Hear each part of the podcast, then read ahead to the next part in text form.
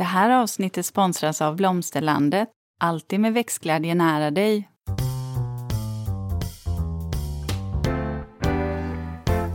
Välkommen till Ulrika och Lindas trädgårdspodd. Och det är jag som är Linda Kylén, trädgårdsmästare. Och det är jag som är Ulrika Levin, trädgårdsdesigner. Och det är dags för ytterligare ett stopp. Eh, vi ska åka och träffa eh, några eh, odlare av bland annat snittblommor. Alltså de odlar lökar, tulpaner, liljor, amaryllis, hyacinter bland annat, men även sommarblommor. Mm, och, och eh, jag tror nog att vi kanske kommer få eh, se några palettblad Ja. skjuta förbi.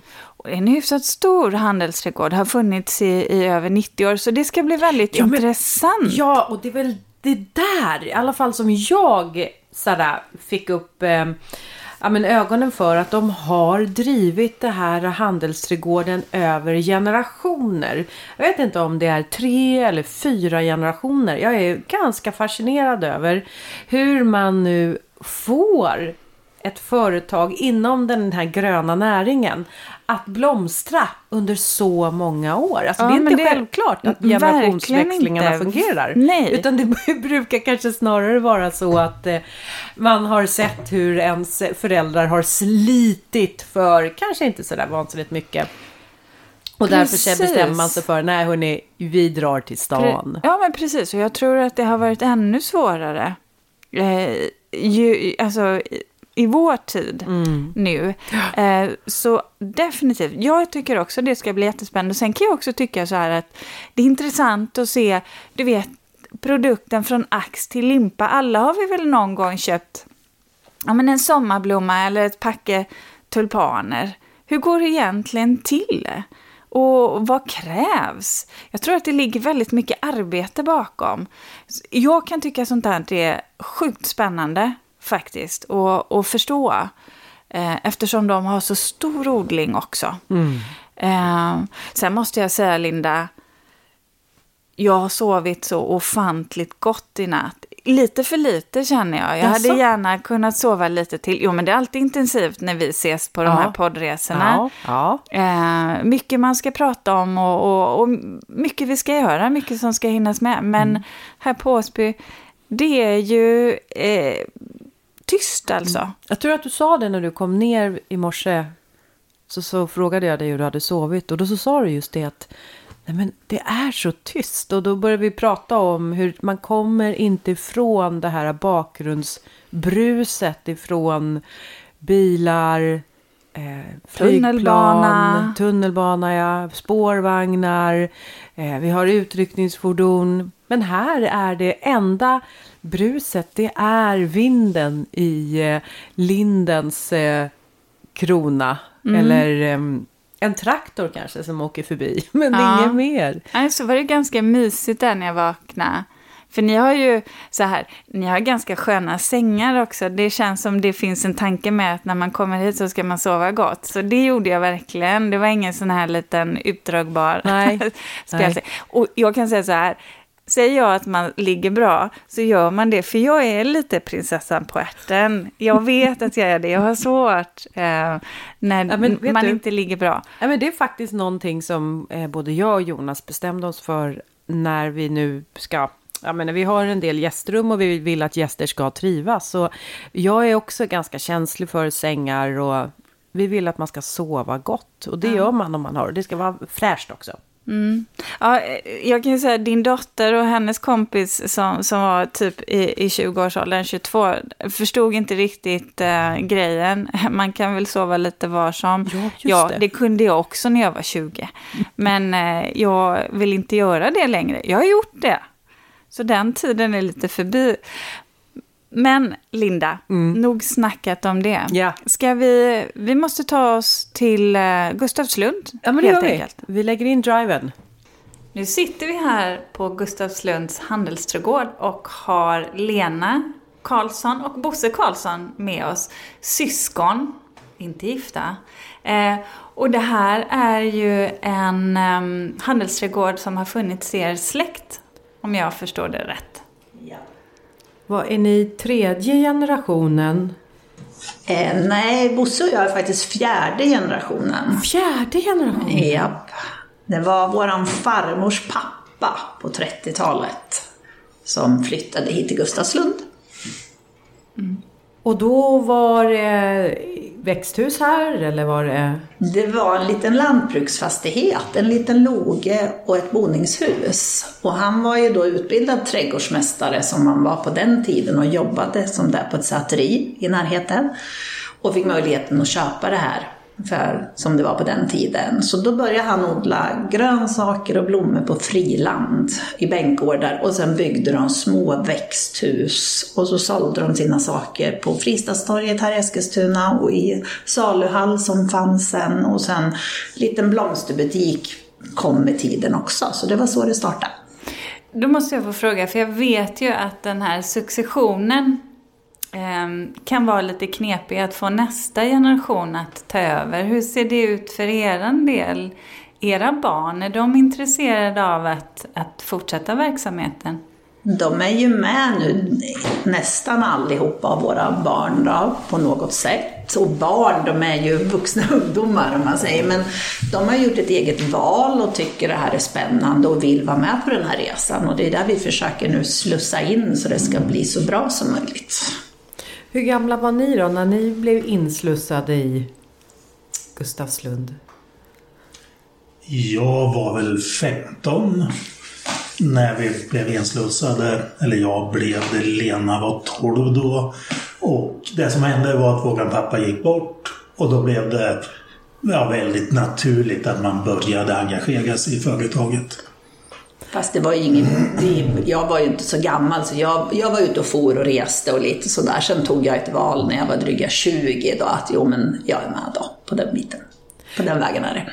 Är det inte mycket också att man lär sig hur jag menar om man nu, i det här företaget, vi odlar, ni odlar växter, det är ett hantverk.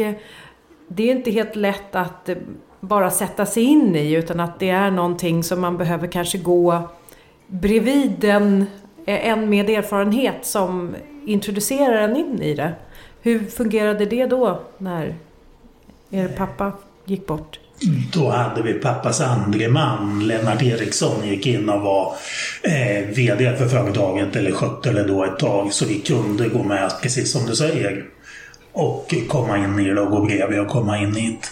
Och eh, jag åkte till Holland och praktiserade. Jag gick på trädgårdsskola, jag praktiserade i Skåne.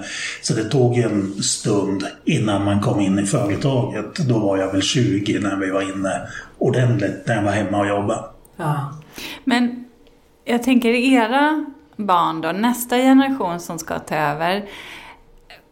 Det är ju ändå, det här har vi ju pratat om tidigare Linda, att, att som odlare så Um, kanske vår uppfattning i alla fall. Men det, det är ju lite, man kan vara lite utsatt. Man är beroende av många faktorer. Ni odlar ju i växthus. Vi har ju haft skenande elpriser.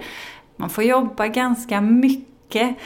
Så att säga, har, hur har ni liksom kunnat sälja in det här till era barn också? För att de har ju faktiskt levt med två föräldrar som, som kanske lägger ner väldigt mycket tid på sitt arbete.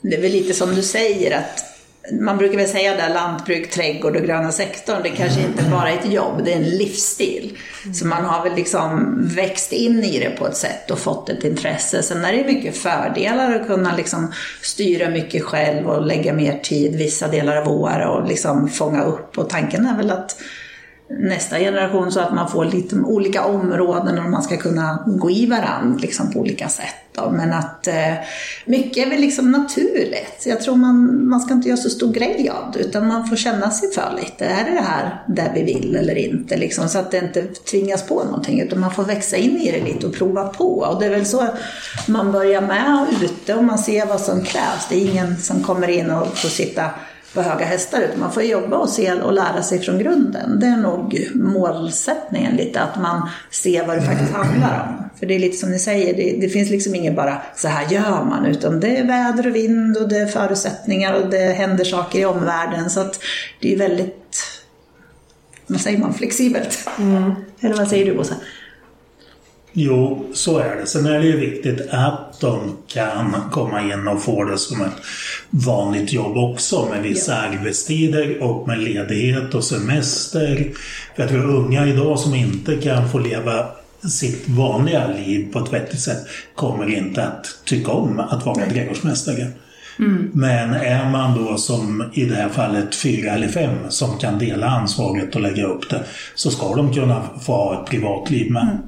För det som skiljer att vara trädgårdsmästare med odling kanske i ett annat yrke, det är ju precis som en bonde har alltså kossor eller det är ju levande varelser som behöver tas om hand, som är känsliga för eh, vatten och torka och solljus och temperaturer och det är ju det som gör, vi är lite som eh, vi är ju, jag ska inte säga förskoleföräldrar, men att det är ju några, vi, vi kan ju inte lämna dem bara själva, utan vi behöver ta hand om dem 24 timmar nästan om dygnet.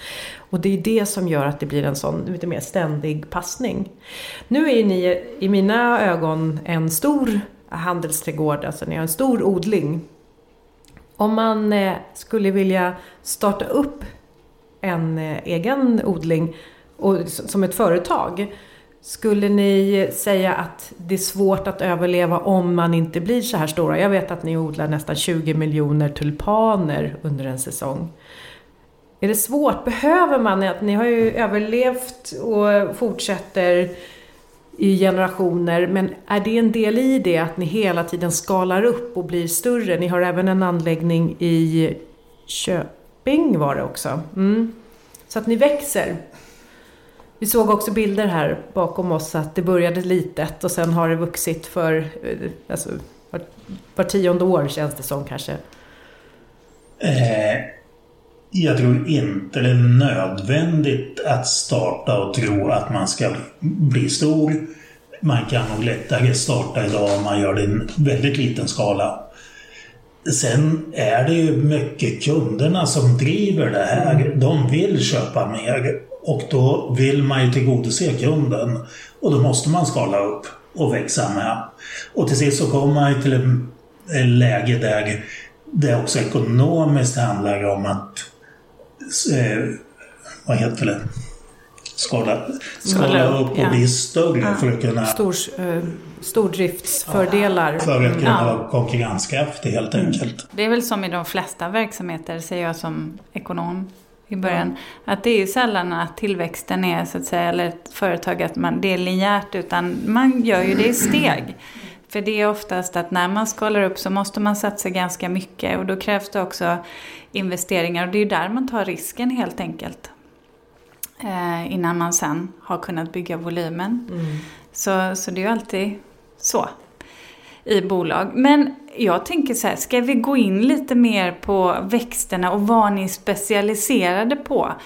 För det är ju framförallt lök eh, och snittblommor då som det i slutändan blir av de här lökarna. Och vi ska säga det också att nu har vi precis varit ute och gått här i era växthus. Jag vet inte, jag, jag höll ju på att bli inlåst i ett av växthusen av Jag visste att du skulle ja. Hon puttade in mig i ett växthus och sen bara, nej vi tar en annan väg. Och sen så stod jag där inne. Ja. Men i vilket fall, så det var ju inte lätt. Det är ju som att gå i eh, alltså gångar, katakomber nästan. Fast det är glaskatakomber. Eh, hur många växthus har ni? Hur stor yta har ni växthus på? Vi har ungefär 18 000 kvadratmeter växthus ah. här i Eskilstuna och 7200 i Köping, så totalt 2,5 hektar. Över 20 växthus. Det är annat än 15 kvadratmeter växthus, friggebodsstorlek. Ja, jag har i alla fall 40 kvadratmeter. Ja, oh, det räcker tyckte jag var stort, eller? men... Vi har svårt att räkna antal växthus för de sitter ihop också ja. en del. Det är därför vi säger kvadratmeter. Ja. jag vet att det är lätt att säga hur många växthus, ja. men det kan bli lite miss, utan vi pratar kvadratmeter. Vi har ungefär 20 avdelningar i båda anläggningarna ihop då. Mm. Så 20 klimat. Kan så man kan gå vilse, helt rätt. Ja, man kan gå vilse. Innan vi går in lite mer specifikt på sorter och sådär, kan ni inte bara lite, så lite översikt, året? Hur börjar ni? När börjar ni ert år? Det kan du ta Då tar jag det. det. Om vi gör det lite enkelt då, lite så bas, så kan vi säga att Eh, vi har ju ett brutet räkenskapsår så det slutar nu i juni. Så året börjar i juli. Och som sagt, vi såg nu, det står liljer i växthusen. De står och växer, liljer, och lite palettblad. Liljorna börjar vi skörda i slutet på juli, augusti, eller ja, månadsskiftet juli, augusti.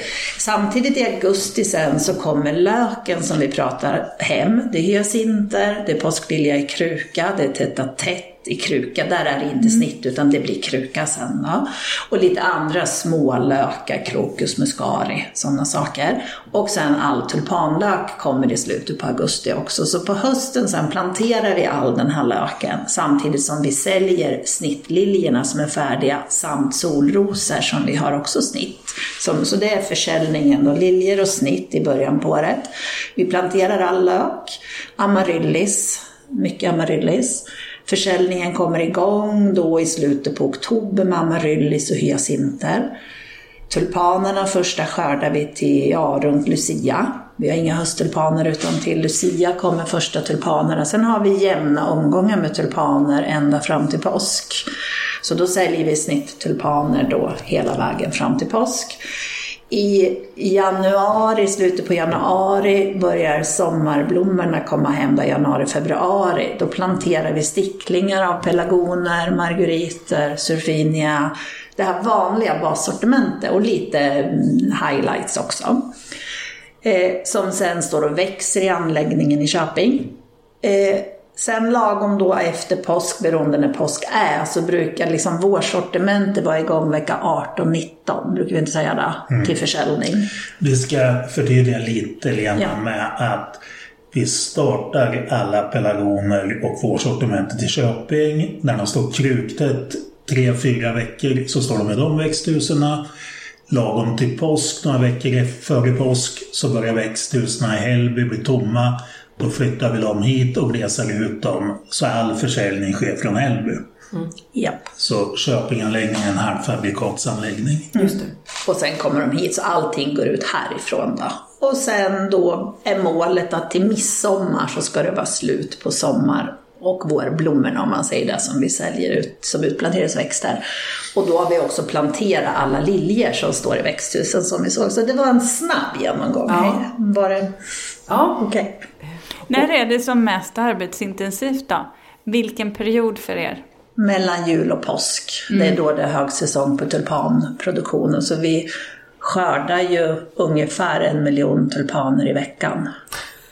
Det är, det är sjukt mycket. Och ni sa ju då att vad var ni, typ 80-90 i personalen då? Så det blev en ganska stor ökning där. För ni har ju Eh, en del heltidsanställda och sen så kör ni säsongsarbetare varav de flesta faktiskt var härifrån Eskilstuna. Absolut. Mm. Det är i stort sett alla som bor här i Eskilstuna som har säsonger. De som har längst säsong kommer ju då i slutet på augusti och är kvar till maj ungefär. De har lång säsong. Mm. Och sen tar vi in extra mellan jul och påsk. Alltså man ser ju lite en röd tråd bland urvalet av det ni odlar. Lökväxter. Vad är det med lökar som har gjort att ni har sånt stort fokus på lökar? De är helt fantastiska. Oj, nu såg jag något passionerat i ögonen här på Bosse. Va? Jaha. Eh, egentligen tror jag vi ska backa och gå tillbaks till 50, 60, 70-talet. Innan vi hade artificiell belysning. December, januari, halva februari var så mörka månader så det gick inte att odla någonting i växthusen. Utom blomsterlök som har stått hela sommaren på fälten och samlat energi och som man sen kunde driva fram utan ljus under de mörka månaderna. Och det är nog så det startade. Som en tradition? Som en tradition på det. Sen kom eh, dagligvaruhandeln på 70-talet igång med att sälja blommor. Och även där passar lökblommorna väldigt bra för de står sig ganska länge i de här butikerna. Eh, och det drog upp volymerna väldigt mycket redan under 70-talet. Så Gustavslund växte i volym på tulpaner från 69 hade vi 500-600 000. 74 10 miljoner. Då var det bara tjock. Var det här era föräldrar? Ja, Men då har det ju har det ökat ännu mer nu i och med att vi eh, efterfrågar svenskodlat mer. Det har det ju, men det är inte, nu kan jag inte säga procentuellt, men om man säger i Sverige så säljs, odlas det ju svenskodlat 160 till 170 miljoner tulpaner om året. Och de siffrorna fanns ju inte då, då var det mindre. då var det mindre, ja. Men jag tror de sista 5-6 åren har det väl legat där. Det har inte ökat jättemycket utan det ligger och pendlar där ungefär. Däremot kan man ju säga att konsumenten är intresserad av svenskodlat gör ju att vi kan bibehålla en väldigt hög grad av egen produktion av tulpaner i landet. Så vi har ju inte behövt eh, gå ner med volymerna. Så det kan vi säga till lyssnarna, hörde ni det? Det är ju svenskodlat då alltså som gäller om vi ska hålla en gr- egen grön bransch igång, en näring igång. Så, så behövs det Ja. svenskodlat. Får jag prata sorter nu då? Ja. Innan vi kommer in på skötsel. Ja, ska vi, men ska vi börja med den sorten som står i växthuset nu? Ja, Eh, då det tänker jag jag. på liljorna. Ja. Ja. Asiatiska, orientaliska eller... LA. Liljor är inte min grej. Så att jag menar... LA Jag, står för longiflorium gånger asiatiska. Så man har tagit två sorter och gjort en hybrid av det. Okej, Var det de högre? Nej, nej, det var de som fortfarande var så här lite raka. Ja, men många. Många. Mm, De, de höga tyckte jag såg ut som cannabis när jag inte hade glasögon på mig. Men det,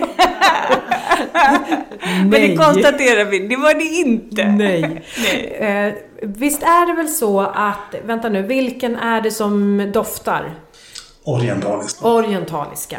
Jag gjorde nämligen ett misstag en gång. Jag skulle ställa, köpa snittblommor till en, eh, en eh, mottagning och så sätter jag in då de orientaliska. De fick stå i en timma, sen åkte de här pampiga buketterna ut därför att det var allergiska reaktioner och nysningar. Så då är det, ja, jag tycker att det doftar gott så för mig är det ju inga sådär men, eh, mm, men det är de orientaliska, Mm. asiatiska. Men då börjar ni, då, då kör vi dem. Eh, vad, vad är det som gör att de lämpar sig så bra till snitt då? De är långa. De är långa. Ja. Stå, men står de så länge? Alltså jag, använder, jag använder sällan liljor själv nämligen. Så att jag är, jag är lite Jag tycker att novis. liljor, de har ju såna de är graciösa mm, i, nu pratar vi blomningen då, då. De är ju graciösa i sina liksom, blommor samtidigt som de är stilfulla och eh, är ju såna här riktiga blickfång i buketter. Och Mm, sen ja. som sagt så kan man ju få då doften som jag tycker är något som varje blomma bör ha. Dofta någonting. Vissa utav dem då. vad gillar ni för sorter själva då? Har ni några sorter som ni tycker om som odlare och några personliga favoriter som ni själva tar hem? Och gör ni det? Tar man hem jobbet och sätter på vardagsrumsbordet sen? Hela tiden. Ja, Men efter två dagar så har man sett vad man vill se så kan man ta bort det med. Okej. Nej då, vi tar hem. Eh, och tycker det är fint. Eller får ni bara ta hem de där sakerna som har brutna skälkar, som lite slokande, sådär som det brukar bli när man, ah det här kommer inte gå att sälja, då får jag ta hem det. Det är både. Det, det var vå- våran farmors Ja. sak. Jaså? Ta inte hem sånt vi kan sälja. Du får ta hem det vi Ja. inte kan sälja. Det har Lena tagit bort. Nu får vi ta hem sånt vi kan, vi kan sälja. Tillbaks till liljorna så finns det en grupp liljor som heter Rose Lily som är dubbla som är helt fantastiskt fina. Så säger vi en personlig favorit för mig så är det de. De är otroligt vackra. Och de har ni här äh, ute? Vi har haft dem. Tyvärr så är den löken fortfarande så dyr så vi, kan, vi får det inte att passa in i våran prisbild. Ah. Eh, kan man säga. Så vi har gått tillbaka till de mer vanliga standardsorterna. Vi har provat de dubbla, kommer ta upp de dubbla så fort vi kan köpa löken lite billigare. Var köper man löken ifrån? Eh, från Holland. Holland de också? Ja, liljorna med. Lena, dina favoriter då? Alltså jag gillar ju väldigt mycket. Så att jag är lite så allätare. Så att jag tar hem lite blandat och jag tar en del som doftar. Det är lite där vi pratar. Vi har ju sådana som doftar mindre knappt någonting alls och sen vissa som doftar lite mer. Jag gillar att ha doften ibland. Jag tycker det är mysigt, men även andra. Men jag gillar ju de här ljusljusrosa, nu vet inte jag riktigt vad de heter, jag är lite dålig på namnen. Sorbonne. Sorbonne är det. Sorbonne. Ja. Men det är lite som ni sa med liljor. Det vi har tänkt lite med det här, det är att det är en lyxig och fin blomma, men den ska även kunna vara som en liten vanlig alldaglig blomma, eller inte alldaglig, men att ha på köksbordet hemma. Så det finns ju de här väldigt långa man har i stora urnor, men det kanske inte passar alla. Så vi har ju liksom valt att man ska ha en liten mellanmodell som passar på köksbordet. Så det är väl lite där vi nisch, att det ska vara en lite mer, inte vardagsblomma, för det är den egentligen för fin för, men ändå kunna passa i det vanliga hemmet. Varmansblomma. Ja. Som, eh, Men kan ni inte berätta, eh, för det första, är det många odlare av liljor i Sverige? Nej, jag tror att vi är själva i Sverige. Det Ja. kan finnas några mm, som gör det, men det är ingen i någon större skala i varje fall. Jag vet att vi pratade tidigare om eh, julstjärnor och att julstjärnor har utgått från Gustavslunds sortiment. Japp. Det utgick förra hösten, eller till förra julen, och det var första gången sedan 69 som vi, något sånt som inte hade julstjärnor. Oj, hur kändes det att bryta en... Det var jätteskönt. Alltså, så det var inte så att farmor vrider sig i... Nej. Nej, det var det väl inte. Det var väldigt skönt. Det var julstjärnor, intresset för julstjärnor har minskat i Sverige de sista tio åren. Alltså har det gått ner. För, eh, förra året med den el, pri, eller priset på elen som var så sa vi nej, vi törs inte det. Eh, köra julstjärnor för det har, eh, de kräver mycket belysning. Och då tog vi bort dem istället. Och det var ju sen efteråt såg vi helt rätt. Ni var helt rätt. Ja. Men det här, det här tyckte jag var lite intressant också när, när ni pratade om eh, det här med växter, eh, det ni odlade kontra höjd, kontra hur mycket plats de tar. Det här handlade mycket om logistik, det vill säga Dels ska de få plats hos er, eh, men sen ska de också få plats på pallar, de ska få plats på angivna platser hos i butik. Det var ganska mycket att hålla koll på förutom det här att som man tänker sig självklart att driva upp löken i rätt temperatur med belysning och sådär. Det var massor med sådana andra parametrar också så de får verkligen inte ha blivit för stora eller för höga. Nej, så är det ju. För de måste hålla sig... Vi har bara en viss plats i växthusen och då får de inte bli för stora för då står de för tätt. Och då får man i sådana fall ta bort och kasta några och resa ut de andra.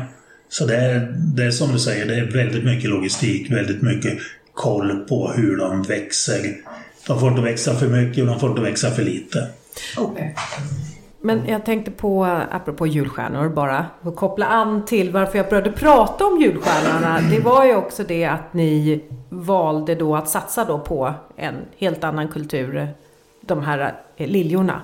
Och våga sig på det, att vara lite, dels känna kanske av marknaden, vad efterfrågas och vad är det som inte är svenskodlat. För ju, ju, bättre, ju, ju mer svenskodlat desto bättre och att man då kan fylla upp växthusen.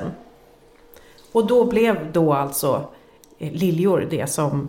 Vi kunde öka produktionen av liljor. När vi tog bort julstjärnorna så blev det mer plats i växthusen och då kunde vi öka upp produktionen av liljor Just det, för julstjärnorna satte man igång ungefär... Julstjärnorna när vi hade dem så satte vi dem på sommaren också och stod i växthusen. De kommer ju som små, små sticklingar och flygs ju hit och vi sätter dem i krukan. Och det är en lång process julstjärnan och det är mycket risker i den också. Julstjärnan är ju en känslig blomma så det är ganska mycket runt den. Eh, Eh, men det var också intressant att se era liljorna, hur de var planterade i de här brätterna. Men ni har stärkt upp de här brätterna och gjort lite högre sargar, sarger på lådorna. Varför det? För ju mer jord man kan ha ovanför löken, så liljornas rötter kommer ju från skottet som kommer upp. Och ju mer jord vi har ovanför, ju mer rötter får vi. Och ju mer rötter vi får, ju kraftigare och starkare lilja som kan bära fram flera knoppar. Mm. Så det är rent för att få en bättre kvalitet så vill man ha bättre rotning. Mm. Över dem. Och hur var det då om man har liljor som inte slår ut? Alltså de torkar i knoppstadiet. Det kan bero på väldigt många olika saker men en sak är om de har stått för varmt eller för torrt de första veckorna efter plantering. För då när de, skottet kommer upp så har de väldigt lite rötter och är känsligt. Och då kan det göra att torkar de då så är det knoppen som torkar in först. Mm. Sen ser inte vi det förrän vi skördar liljorna. Men det, det är det här som jag tycker är så fascinerande och också lite skrämmande. Eh, och lite så här att man måste ha någon typ av masochistisk läggning eller vara benägen att ta risk. Jo, men alltså det är ganska läskigt att ha odlat så många liljor. Säg att något verkligen skiter sig, att man missar någonting. Och sen ska man skörda dem och så ser man bara, tjena, där, hela vår vinst, allt, det bara ner i, spolas ner i toaletten. Det är ju... Det måste ni ha varit med om någon det gång. Är ju, alltså det är ju speciellt. Alltså det måste ju ha hänt. Det har hänt. Ja. Händer det mer än en gång eller har man, gör man det en gång och sen så... Sen tänker man efter vad man gör. ja, men jag tänker, och det är det här som kommer till erfarenhet också. Att det här är ju inte bara ett yrke som man kan plugga till och starta igång genom att man har läst. Utan det här handlar om erfarenhet och upplevelser, vad man har varit med om. Det är helt rätt och sen är det ju också liksom levande växter så det finns inga enkelt facit som Nej. du är inne på. Det är ju liksom vad har växten med sig och det är, det är erfarenhet, jättemycket erfarenhet och sen lite tur men mycket erfarenhet och sen prat med leverantörerna. Det är alltid en dialog. Du pratar ju alltid med leverantörerna. Hur och vad har de med mm. sig växterna? Vad ska vi tänka på? Det är ju mycket runt Ja, ha, precis. Har man ett sånt nätverk så att man verkligen kan dela allting. För att det är ju ingen som är bekänt av att det kommer in sjukdomar eller att man hanterar någonting fel. Eller alla vet ju om vilka risker man tar. Så finns det något sånt? Det finns ett sånt nätverk. Eller det finns en väldigt bra kommunikation mellan odlare i Sverige och även odlare i Holland eller Danmark så har vi ju det hela tiden för att alla ska kunna lära sig och bli lite bättre. Eh, så det, det tjänar ju alla på. Ena gången så kanske det är vi som kan lära någon annan någonting men nästa gång är det de som kan lära oss. Och så kan vi komma vidare och gå framåt. Eh, nu är jag tillbaka till eh, eh liljorna igen. kan inte släppa dem. Men har ni någon lilja som är lite så här aprikos med några så här rosa? ni kan prata om ekonomi och så, men jag sitter bara och tänker på färger och... Jag är lite som Ferdinand som hellre vill sitta och Ja, och just, just den här färgsättningen Linda. Ja, det har du hört den förut? Aprikos, lilja, nej. Nej. Det har vi faktiskt inte. Nej, Han, finns det? Det finns det mesta. Jag såg ju den här krolliljan. Det är en helt annan, alltså det är, liksom, det är en annan lilja, jag vet. Men vi såg den, vi var i Enköpings parker och där hade de en krollilja som gick i de aprikosa med lite rosa mittnerv. Alltså, vad har ni då? Vad har ni då? Eh, vi har gjort det ganska enkelt för oss själva och har ungefär 60% vita. Ja. 55-60 Ulrika ler. Och vi har 40, 35-40 procent rosa.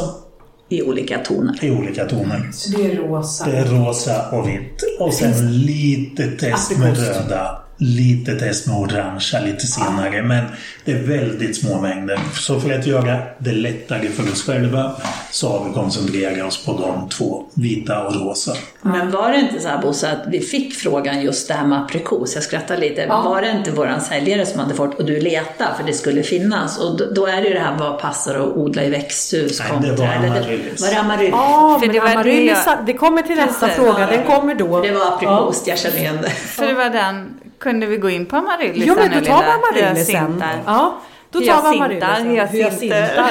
Hyacinter.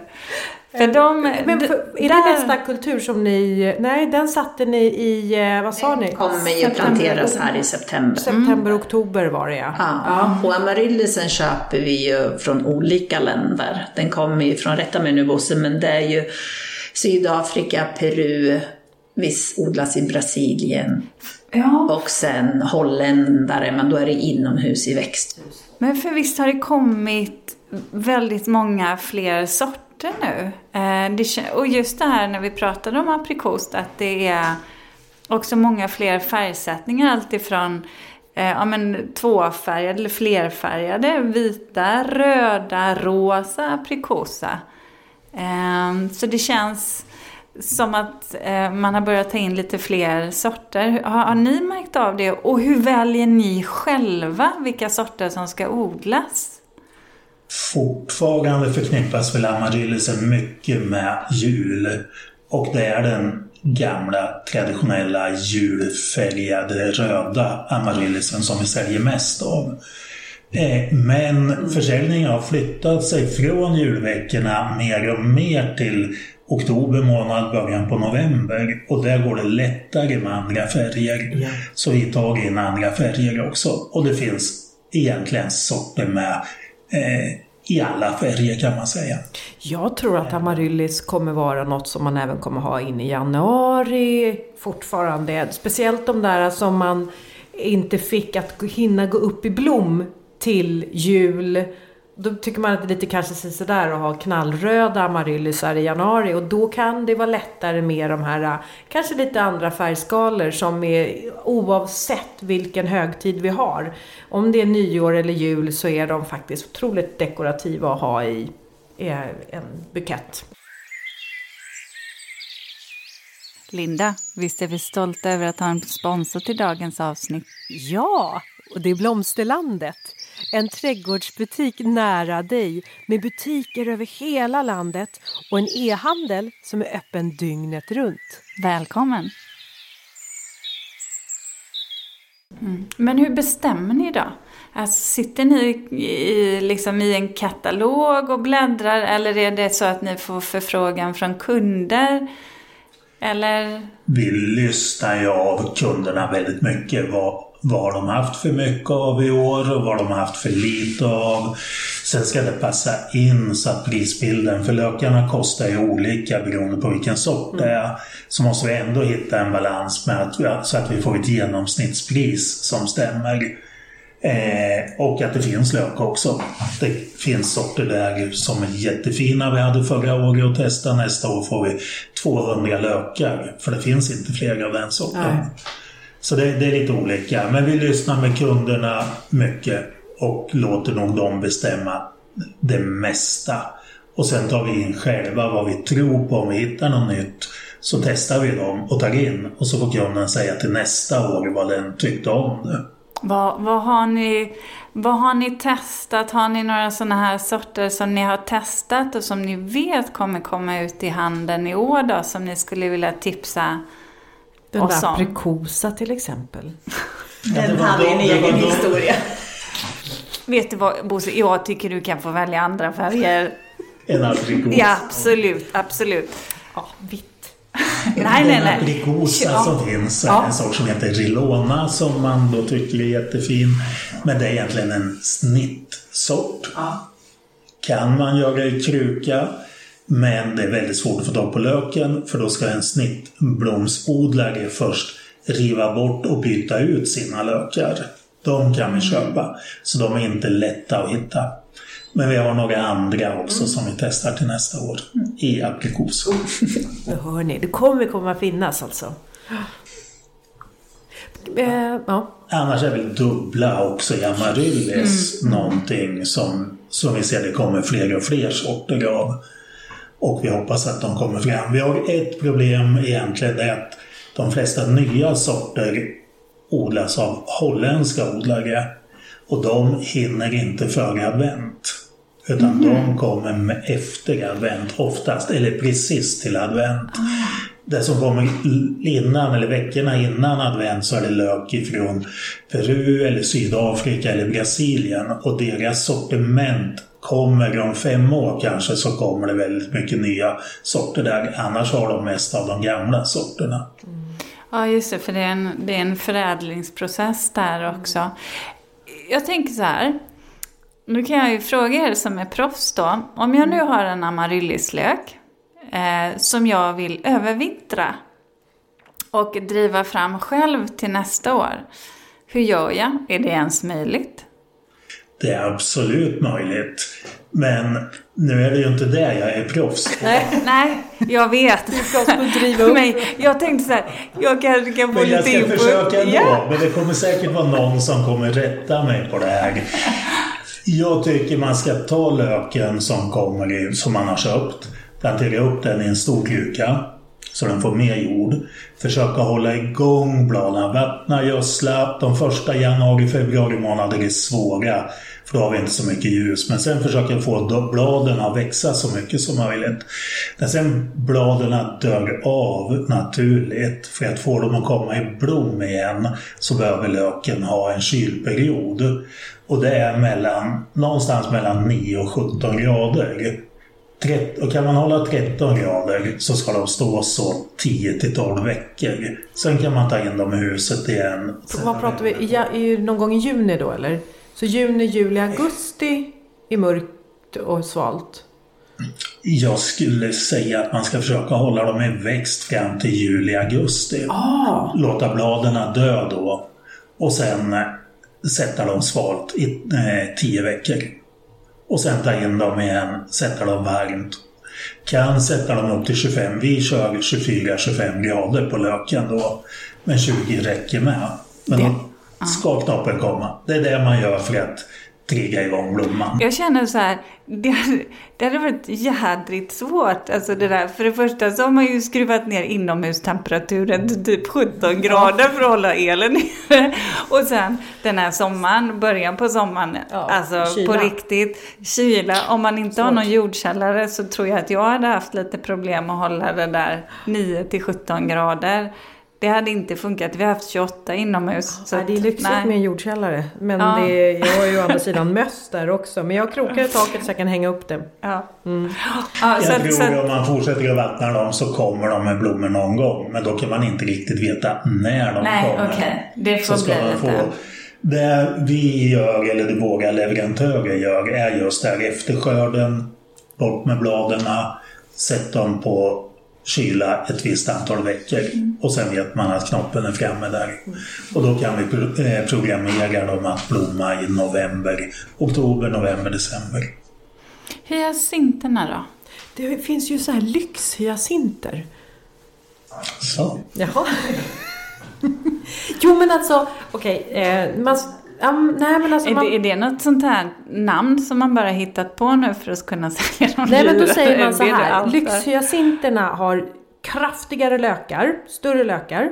Och de får dubbelt så många, ish, säger jag, blommor. Och det gör att blommorna sitter betydligt tätare. Nu för tiden tycker jag när man har egna eh, hyacinter att det blir väldigt långa skälkar. Och sen sitter blommorna lite så här lite lätt utspritt på skälken. Och man ser liksom skälken. Jag vill ju att det ska vara en skälk som är alldeles full av de här stjärnblommorna och att det ska dofta. Och då säger man att vill man är- få är- det, då är det Ja. lyxvarianten Frågar man ska du så här, vad är problemet? Är det det du frågar Bosse och Lena? Nej, men, men vad, berätta om er erfarenhet. Jag skulle säga att det handlar om hur stor lök man har. Ja. Om du har en lök som är över 19, 18-19 centimeter i omkrets, då kan man få den kvaliteten som du efterfrågar. Vi kallar dem Bamse. Åh! Bamse. Bamselök? Då, då får man det. Går vi ner på en lök som är 15-16 centimeter i omkrets, då får man ofta den lite tunnare, lite glesare mellan klockorna. Men också ofta större klockor som står upp. För de här bamsarna eller lyxhyacinterna vill gärna växa upp och lägga sig. Ja, de är tunga. De är tunga, så då får man stötta dem med en pinne eller någonting. Men det, jag skulle tro, om det inte har kommit någonting jag inte vet om, så handlar det mest om vilken storlek Ja. på löken. Ja, och det är därav jag tänker också att eh, vi då som köper hyacinter, man är ju liksom van att man lätt kan köpa en hyacint för jag menar 15 kronor, 20 kronor liksom. Alltså en hyacint som kostar över 30 kronor, då är det ju många som, "Nej, aldrig, det där är ju bara en slit och slängväxt. Men jag tror på att få in de här eh, som är då kraftigare lökar, de kan ju ligga upp på nästan 50 kronor i, i, i Nu kändes det ju som förra året så gjorde de det oavsett Ja. på grund av alla prisökningar ändå. Men eh, odlar ni bara i, för det finns ju att köpa eh, hyacint som snittblomma och det har ju kommit också mer. Eh, odlar ni bara med så att säga i kruka? Vi odlar bara i kruka. Snitt har funnits i, på kontinenten. Holland kommer det ifrån. Mest i, eh, så länge jag kan minnas. Där. Men det ökade, intresset där ökar för tio år sedan har blivit ganska stort. Och jag ser att det är på väg in i Sverige med. Men innan det så var det väldigt svalt mottaget i Sverige. Antagligen för att hyacinterna var så väldigt förknippad till jul.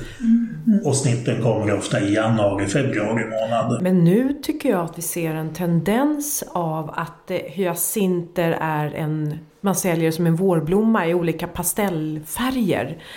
Ja, och att det kommer och det är någonting som, jag gläds av det och, och det gör jag å alla humlor och bins vägnar. Eh, att vi har dem som eh, att sätta i våra blomsterarrangemang ute kanske på trappan på vid krukan. Är det någonting som ni kanske kan kunna få in som en kultur? Vårhyacinterna? Den är på väg. Den är på väg! Ja! Där finns det aprikoser. Ja, det gör det!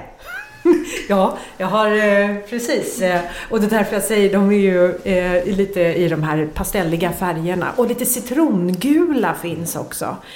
Gör det! Eh, jag, jag är kund. Det är en- Det är som du säger, och du, Bosse, det har ju kommit lite mer sån efterfrågan. Det har varit väldigt hyacinter till jul, påskliljor till påsk och vår. Men det är även liksom lökblommor överlag går ju att ha så mycket mer än till de här traditionella helgerna. Och där kanske vi börjar liksom släppa lite. Vi ser den efter det kommer. Men det är också lite dyrare och lite annorlunda att odla. Men det finns efterfrågan, så vi börjar lite. Vi, Bra. pra- vi pratade ju om det där med tulpaner tidigare, just att man ehm, eh, kanske inte, alltså att när, i och med att ni odlar nittulpaner eh, så lökarna sen, ehm, det mesta kasseras ju för det blir inte så himla mycket lök, det är engångsblommande tulpaner.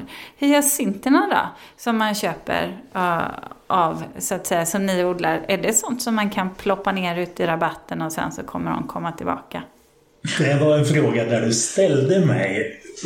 Påskliljor har vi gjort det med och så vidare. Ja, hyacinterna borde kunna komma tillbaka. Mina har gjort det varje år. Ja. Eh, har jag sparat dem och sen har jag satt ner dem eh, i jorden igen. Och oavsett om jag har satt dem i jord direkt när kärlen släpper taget eller om jag har sparat dem och satt dem på hösten. Om jag nu har lyckats hålla lökarna fräscha. Så, Så det är har det som är knepet? Ja, ja, ja. I Ja. min förra trädgård så hade jag en, alltså, väldigt många hyacinter eh, som blommade på våren. Som var sådana som jag har sparat från år till år. Ja, men vad intressant. Jag har också... Väldigt. Täcker du dem då med någonting? Du, under tiden jag väntar på att sätta ner dem eller? Nej, efter att du har planterat? Ja, jag planterar ju ner. Nej, det har jag nog inte gjort. Alltså nu täckodlar jag ju jämt. Så nog täcker jag väl dem med löv och, och sådant. Det gör jag nog när jag tar bort gräset. Gjorde i alla fall från gräsmattan. Jag tänker mig att frosten eller tjälen går så djupt ner här uppe så att det skulle kunna vara ett problem. Nej, men det här, ja. Och sen så blir jag lite så här. Ja, men antingen så sparar man dem och så är man glad om de blommar om. Eller det känns i alla fall bättre, om inte annat så blir det ett jordförbättring i jorden. Att jag liksom myllar ner lite, tillbaka, komposterar dem i min rabatt då. då. Någon nytta av dem. Ja, någon nytta utav dem. Men ska vi gå in på ändå tulpanerna? Ja, för vi pratade om 21 miljoner tulpaner bara här hos er på Gustavslund.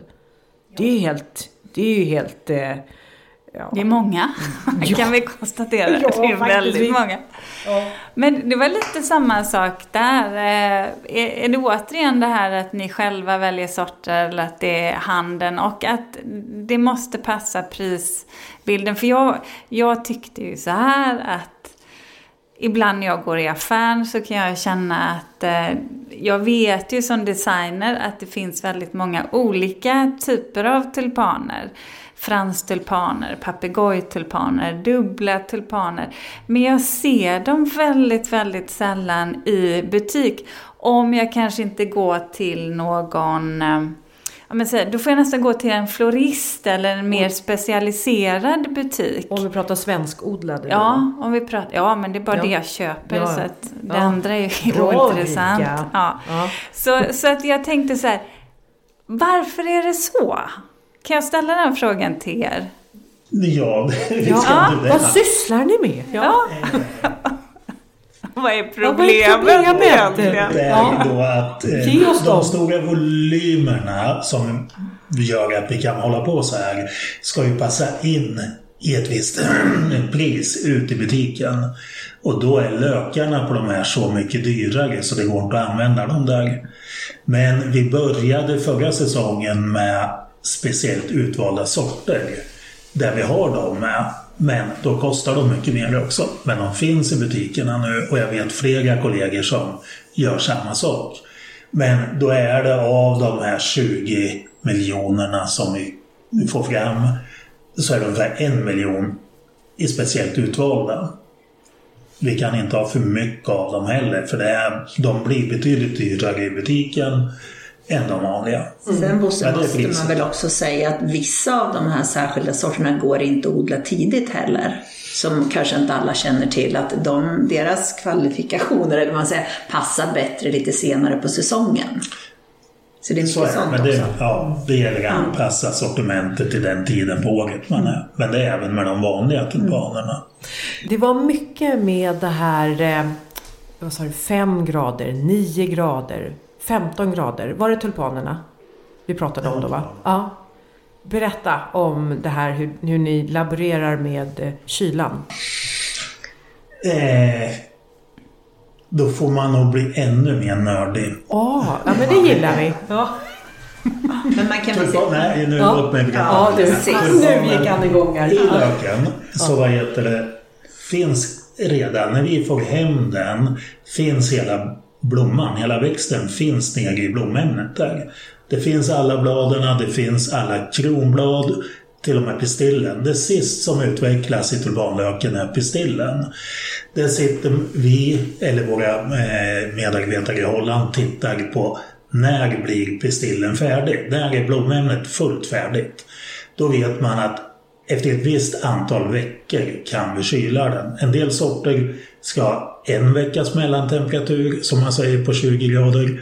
Andra ska ha 5. Så det är sortberoende där.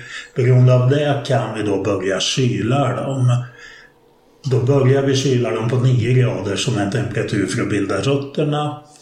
Efter ett visst antal veckor så att den processen kommer igång, då kan man gå på 5 grader, gå ner till 5, som gör att tulpanen sträcker sig. Då ombildas de, den stärkelsen i löken ombildas till sockerarter som den använder för att sträcka sig.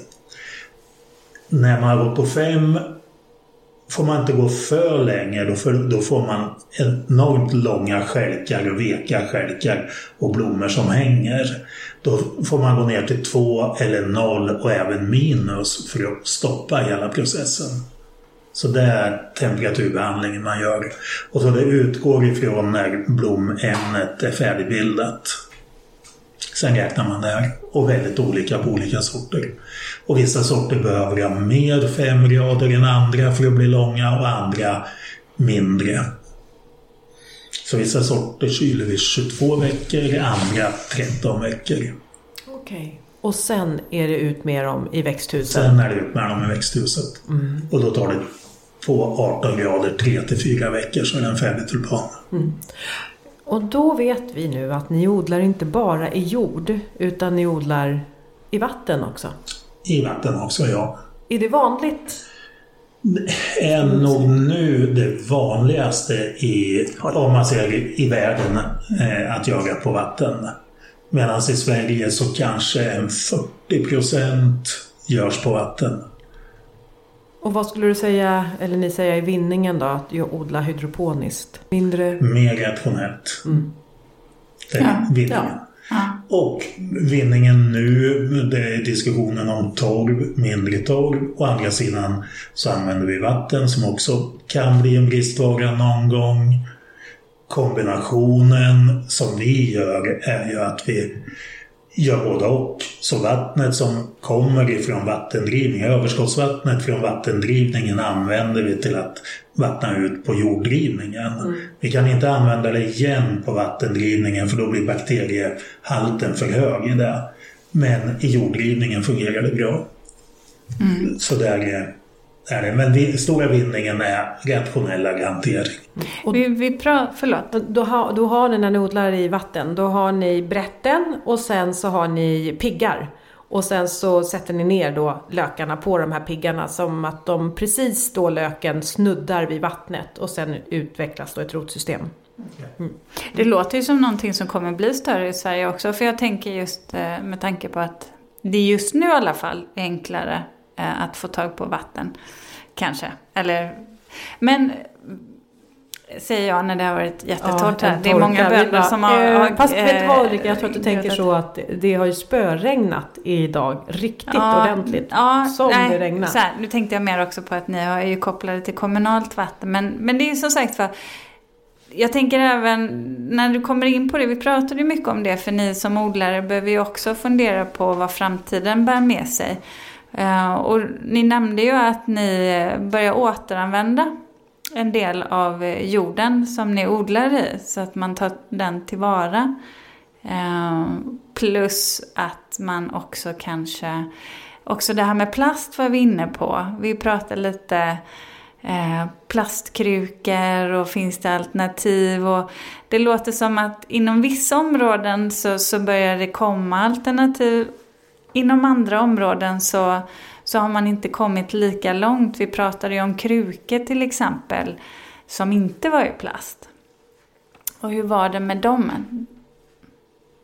Eh, där de krukorna som är gjorda av en pappersmassa eller någon eh, en biologisk massa, de bryts väldigt lätt ner i odlingen hos oss. Och det kommer alger på dem och när vi ska packa dem så kan de gå sönder så de är inte jättelätt att använda. Så finns det en annan modell som är gjord av ett hårdare material, även där ifrån någon stärkelsepapper eller majsstärkelse eller någonting. Men de, är, de fungerar bra i odlingen, men de är så hårda så de bryts aldrig ner annat än i en industrikompost som går upp väldigt varmt. Då. Så det har inte riktigt kommit, man har inte hittat det där mittemellan där än. Nej. Men det kommer säkert någon gång. För ni sa ju det att ni hade gått över från att ha plast. Det har man i princip inte runt tulpanerna längre utan merparten av era packas i papper. En del kunder efterfrågar fortfarande plast, men de flesta efterfrågar pappersförpackningar. Och då, det finns ju väldigt bra sådana, så det har vi. Tycker ni det är svårt att, att hitta alltså information om det här? Alltså, vad, alltså får man något stöd som odlare? Finns det, ja du vet något så här, rö- vad heter det, ring en vän eller ni vet, ja men det är ganska komplexa frågor hållbar som vän. ändå Ja, men som ändå så att säga, och det, fin- det finns forskning och forskning som pågår och det kommer nya rön, det blir målkonflikter. Jag tänker som egen företagare när man också har allt annat man ska tänka på. Känner ni att ni får tillräckligt med stöttning eller är det så här att får man hålla på och leta själv och liksom bara försöka Jag tänker just med emballage, om man säger mer förpackning runt tulpaner och så här, så är det ju vad jag tänker i alla fall mycket dialog med våra leverantörer. De är ju ganska insatta mer. Men det är fortfarande väldigt stora frågor och det ändras ju ganska mycket och det är nya förutsättningar och det är regelverk och hur man tolkar. Så det, det är ju en liten djungel, men jag tror vi har mycket dialog med våra leverantörer. De är ju liksom de vi får vända oss till för så mycket annat bollplank.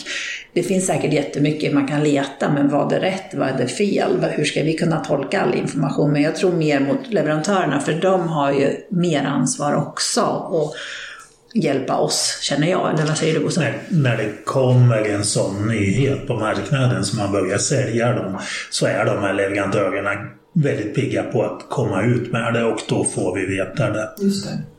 Så det, de, de kommer snabbt med det. Eh, Jag tänker att vi, nu har vi pratat mycket om alla lökväxterna, men vi måste nämna någonting ändå om eh, eh, vad ni har för krukväxter, men även sommarblommor som ni odlar. Det är ju ändå mitt i sommaren nu och det här eh, kommer vi, avsnittet eh, har vi ju nu här i juli. Vi måste ju prata om sommarblommor också. Vi sitter ju nu i juli månad eh, och eh, ni har precis levererat de sista sommarblommorna misstänker jag. Vad är det som har varit eh, de mest, alltså vad är det som är populärt? Vad är det som ni odlar och vad är det Ska jag, om man säger, vi har ju basvarorna, nu får du rätta mig Bosse, men vanliga pelargonsonal och lite sånt. Men där kommer det lite nyheter, liksom lite roligare sorter också, lite mer exklusiva. Estelle och de här olika, så där har vi väl nischat lite mer. Men sen har ju vi tittat lite mot dahlia, som är lite för oss. Det var, vi har haft en mindre sorts dahlia i flera år. Lite känns ju lite som eran grej. Det är inte en lök men det är en knöl. Ja, och där är det väl lite spännande. Där har vi haft lite olika krukstorlekar och där ser vi att det finns en väldig efterfrågan. Så där är vi nyfikna och lära oss mer. Där satt, provar vi olika, det är roligt. Sen har vi väl haft ja, de här vanliga margariter och så, men sen har vi haft lite så här rosenskära, kosmos som har varit väldigt delade meningar. Aprikotta kanske? Ja, lite sånt där del. Det var första året liksom och där har det varit lite, men där har det nog ändrats lite att folk har blivit lite mer sugna hos oss också. Först var det lite anti, men där, den är nog att den får stanna kvar. Kosmos där. Ja. Vad är det mer? Det är mycket lite, vi provar lite nya. Vi, vi har väl ändrat lite att vi ska ha lite udda sortiment. Mycket bas, men även lite udda för att det finns den efterfrågan. vi ser väl lite att alltså, efterfrågan av massaprodukterna, om man säger det, minskar lite. Ja. Men det finns ett väldigt stort intresse för udda produkter. Ja. Och det försöker vi väl att ändra om nu i sortimentet. Att från att förut ha varit inriktat på stora serier av massaprodukterna. Det måste vi ha kvar. Men vi lägger också upp en linje där vi har de här udda produkterna som stor dahlia i olika, eller dahlia i olika grukstorlekar. Kosmos, kärlekspelargon, eh, drottning Ingrid eller Marsbacka. Mycket sådana lite olika saker. Det som är roligt är ju att man går tillbaka lite som, ja, ja du vet, ja, men, ja, mm, vad ska man säga, sekelskiftet 1800-1900-tal där. När ni vet postorder kom och allt exploderade. Då fanns det ju så himla många sorter av många saker. Eh, och det är ju, sen så smalnade det av och sen så känns det lite som det exploderar nu igen. Luktärtor. Är det någonting? Jag har sett det hemma första gången i mitt liv ska jag ju säga. Men vi, ja. Bra! Ja, men det är ju också något jag förstår. Ja. Men sen har vi ju haft um, lövkoja i kruka. Det är lite, nej, Nej. Säger jag fel nu? Var det snitt vi provade? Ja, det var lövkoja var snitt som vi testade Ja. förra året. Ja. Eh, vi hade lejongap i kruk. Ja, lejongap är också en sån. Ja, men det förstår jag att man gör. Ja. Eh, lejongap är också en sån. Och sen har vi ju de här olika sommarfloxen som har blivit helt, eh, helt vansinnigt populära. Har de. För oss är det vi vill ju prova mycket men det är fortfarande, det måste vara hanterbart. Ja. För ju mer olika, desto mer risker och desto mer jobb och det är olika saker då liksom. Men vi har nog ökat upp lite mer än förut och tänker mer vitt i alla fall. Och vår säljare är ju väldigt ute och kollar just där du säger vad tror du vi kan och då blir det mer nära liksom det svenskodlat och det är liksom mer runt här omkring så det är lite mer lätt Gräs, har ni något eh, prydnadsgräs ni? Eh, Frosted Explosion till exempel, eller ekorrkorn, eh, har ni någonting sådant? Nej. Nej. Men vi såg det på mässan, såg hur mycket det fanns. Ja. Däremot har vi haft lite sådana här, de här gråa, jag är ju inte odlad här så det låter lite larvigt, men de här silverljuvvinda. Ja. Ja, Mm, tjena. Där kom den, där satt den. Ulrika, du skulle ju vilja ha sommarljus tror jag. Eh, ja, de, de tycker jag är trevliga. De ska jag försöka Och övervintra i år. verbenorna också. Ja, verbenorna är ju, de är ju fantastiska. Ja, jag odlar de. dem med kål i år. Shit Ja. vad snyggt det är Linda. Åh, jag fattar Vet du det. vad, jag har kål och dahlior också. Mm. Kål och dahlior och alunrot. Det blev faktiskt sjukt bra också. Du, jag har eh, kål, dahlior och kronärtskockor. Ja, det låter fint. Ja. Du ska få se det när vi kommer Ja. till eh, Ås. Men hur ser ni på framtiden? Med, vi pratade om att det var just eh, kanske är det robotar som kommer in nu och ska i, i, vara här nu och skörda tulpanerna och Eh, eller är det ett hantverk som inte går att ersättas av robotar? Jag tror att hantverket ska kompletteras med robotar eller maskiner. Men att det ska fortsätta att finnas en stor del av, av ett hantverk i. Blir det bara automatiserat med rob robotar så blir det eh, väldigt opersonligt och jag tror man kan tappa känslan för det helt och hållet. Så jag tror en, en, en kompromiss däremellan är vad som vi behöver göra i framtiden. Lite som jord och vatten. Lite som människa och robot. Nej, men Oj. en kombination och sen tror jag ändå liksom att det är levande material så man måste blanda lite. Och får vi till det då blir det väldigt bra. Och ni vet att ni har en ny generation som står redo den dagen ni bestämmer er för att eh, bara koppla bort odlandet. Eh, så, så har ni. Så får Gustavslunds fortsätta. Ja, En generation till i varje fall. ja, ja vi tar en generation i taget. Nej, men så länge man vill ha liksom svenska produkter och vi sköter oss på bästa möjliga sätt, företagandet i Sverige och liksom, så tror jag konsumenten ändå vill ha närodlat. Det är liksom det alla tänker på tror jag i alla fall. Ja, så det- gäller att förvalta det där och det försöker vi. Och det är klart att vi vill. Och då behöver vi ju göra det också. Eh, och även vi, våra lyssnare som vi har tagit med hit också till Gustavslund. Stort tack Lena och Bosse. Tack själv för att ni ville komma. Ja. Jaha, var, var det här vad du hade väntat dig? Nej men jag, det var mycket mer. Eller Alltså, hur? ja. Det var så här. Jag tänkte varje stopp vi kom till när vi gick i rundvandringen och sedan när vi hörde dem, Lena och Bosse, prata. Det är ju bara så här som man bara, gud vad mycket kunskap det finns paketerat i en enda människohjärna där för att kunna hantera det. Jag förstår att man har svårt att släppa och åka iväg. Såg du, du när vi gick i ett av eh, de här växthusen så var det något tickande ljud. Ja, Eh, och hur han blixtsnabbt bara stannar upp och bara, vad är det här? Jag hörde inte först det där tickande ljudet. Men här är det verkligen någon, man, apropå det här med att det är generationer som har Eh, man har ärvt eh, och liksom tagit över så har man verkligen alltså, lärt känna eh, sina växthus och hur de, hur de fungerar. Och är det ett ljud som inte är där det brukar så reagerar man blixtsnabbt.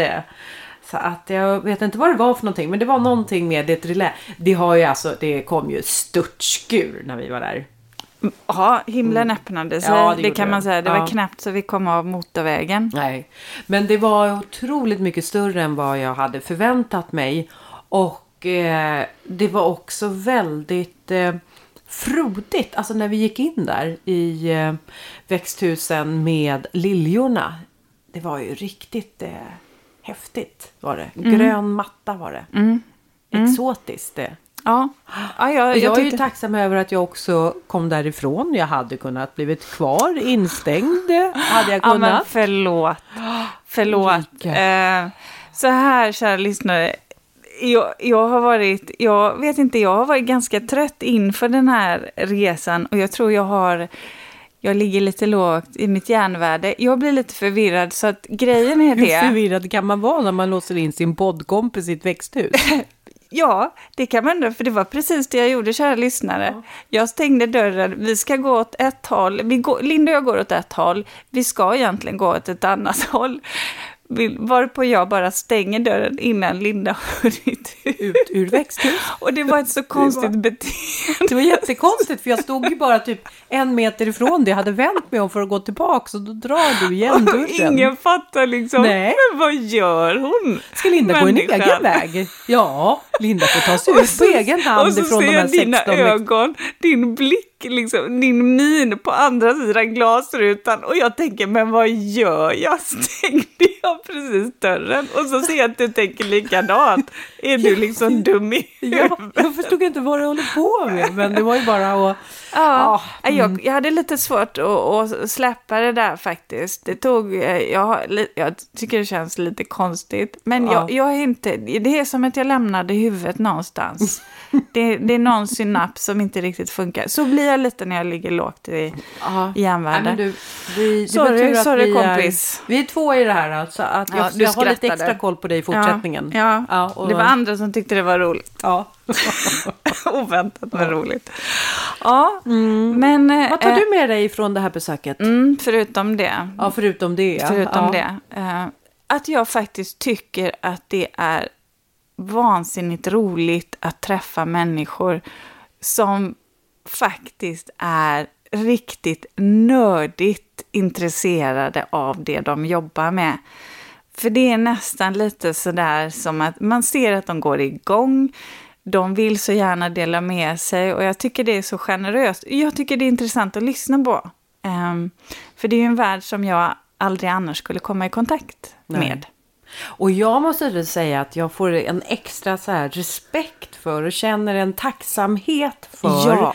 att de är odlare som ser till att vi kan fylla liksom, våra trädgårdar och hem med växter och till högtider och det här som verkligen betyder så mycket för vårt välbefinnande och som också hjälper till att eh, ja, men både liksom skapa en eh, hemtrevlighet men också skapa stämning och eh, ja, men förklara känslor.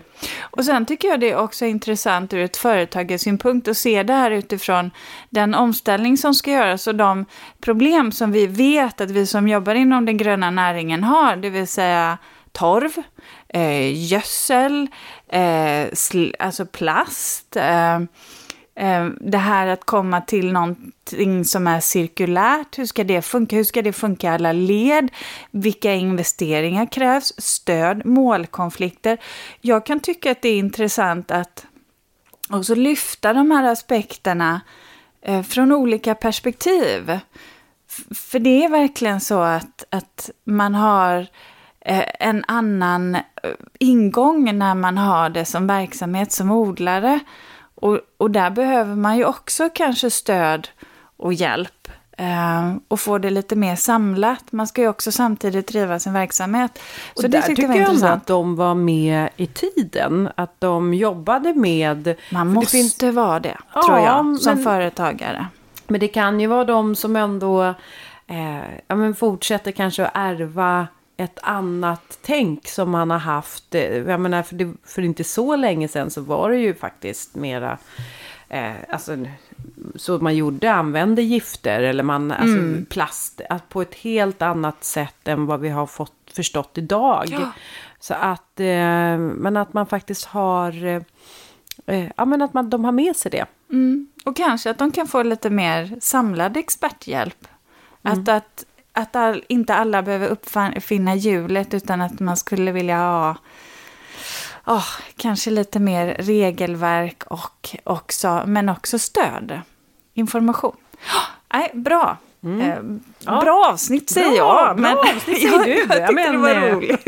Ja, men nu, nu eh, som sagt, eh, Sörmland, vi fortsätter vidare på vår resa. Ja, vi har några avsnitt kvar faktiskt. Två stycken på den här Ja. Resan. Så hörni, tack för att ni hänger med oss och jag hoppas att ni njuter av sommar-Sverige. Kanske att ni ligger och vilar någonstans eller kanske ni rensar lite ogräs och skördar. Vi hörs nästa vecka. Det gör vi. Ha det gött. Hej då! Hej då! Bra. Då